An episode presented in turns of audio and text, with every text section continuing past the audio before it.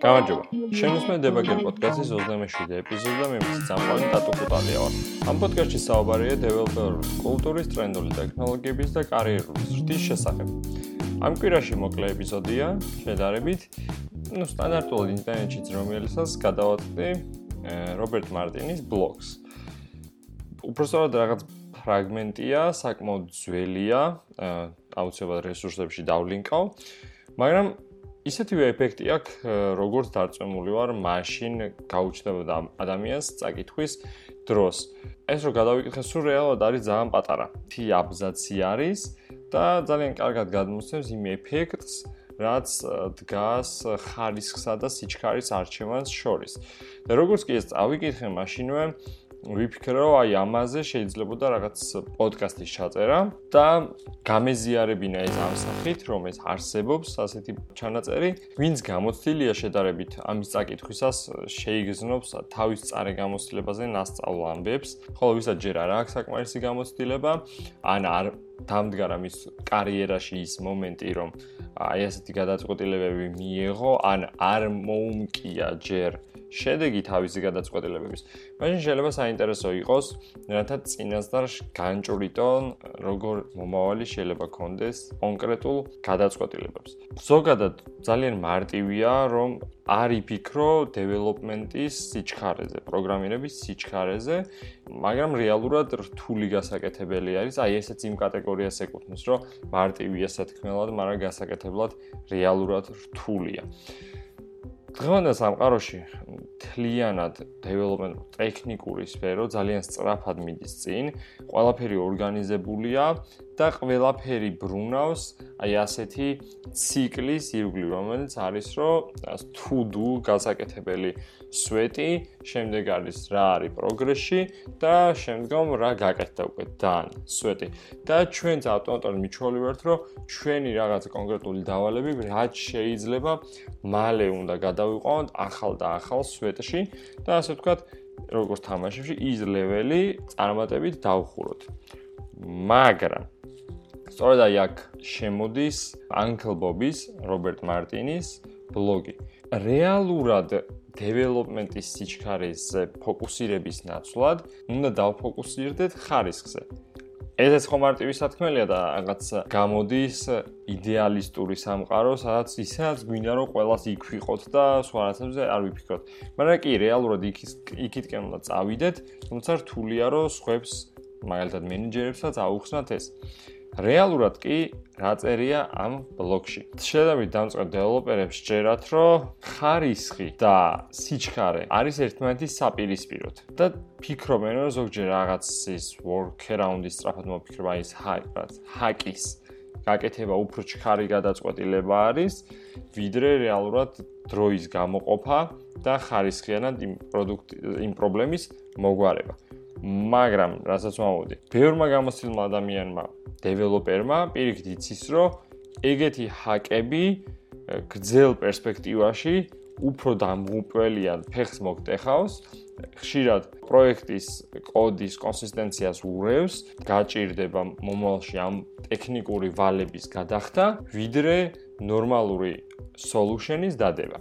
შესაბამისად, ყოველ ჯერზეო, როდესაც მოგინდება რაღაც სრული გექნება, რომ ხარისხი გაცვალო სიჩქარეზე, გაჩერდიო და ყოველთვის დაიწყე ფიქრი როგორ შეიძლება რომ სხვანაირად გაკეთესო. ეს არის Uncle Bob-ის რჩევა რა დღესაც აბსოლუტურ ჭეშმარიტებად რჩება რამდენჯერაც ჩვენ გადავწყვიტავთ რომ ჩვენი ხარისხი დავაყენოთ უკანა პლანზე და რეალურად ჩქარა ვაკეთოთ რაღაცეები? მაშინვე იწყება პრობლემები თუმცა არ ვამბობ რომ ასე არ უნდა იყოს. ზოგიერთ შემთხვევაში ასე უნდა იყოს. მაგალითად, სტარტაპს სტარტაპ თლიანი კულტურა არის დაფუძნებული სწორედ სიჩქარეზე და ძალიან მალე მარკეტზე გასვლაზე და შემდგომ იწყება უკვე რაღაც ისეთი ეფექტური ცვლილებები არქიტექტურაში, პროგრამაში, ხელახლა იქნება კოდის გადაწერა. მოკლედ, იმის თქმა მინდა რომ უნდა შევაფასოთ ასევე სად გვიწევს ამ გადაწყვეტილებების მიღება.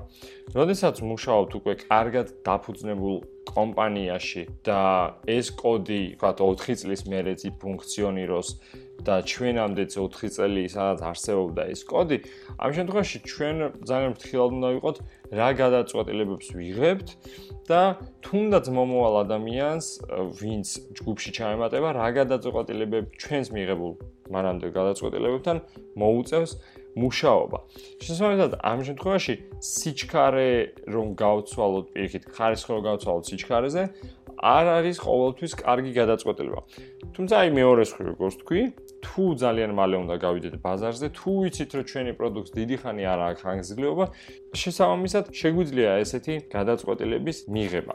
ადრეც საუბრობდი პოდკასტებში, რომ შევაფასოთ უნდა ის ბიზნეს გარემო ზოგადად ჩვენს ირგვლივ მიმდინარე პროცესები, სადაც ვართ და იმაზე და იმ კონტექსტში უნდა მივიღოთ გადაწყვეტილება.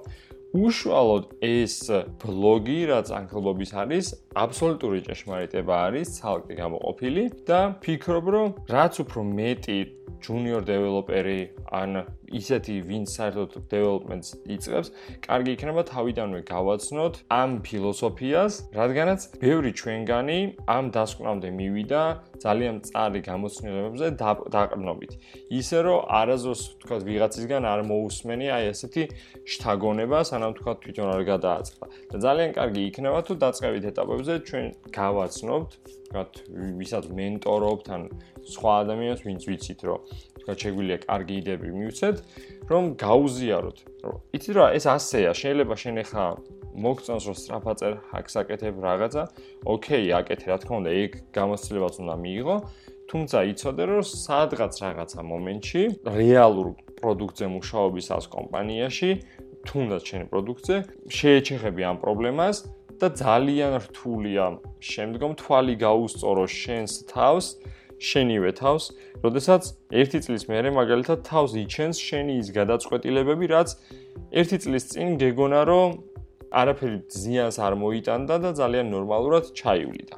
ძალიან მინდა რომ აი ამ საკითხზე იფიქროთ, უფრო კარგად ჩაუბრმავდეთ, თუ თვლით რომ რამე გამომრჩა, შეგიძლიათ რომ კომენტარები დაწეროთ ან რაღაც მომწეროთ ნებისმიერ პლატფორმაზე და შეგვიძლია განვიხილოთ.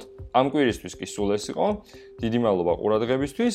სტანდარტულად Facebook-ზე ლაიქ გთხოვთ, iTunes-ზე review რო დამიწეროთ და გააზიარეთ ეს პოდკასტი, რათა სხვა დეველოპერებს გაუადვილდეს პოვნა და იქნებ რომელიმე ეპიზოდში აღმოაჩინოს ზუსტად ის, რასაც ეძებს. მადლობა ნახვამდის. Thank you.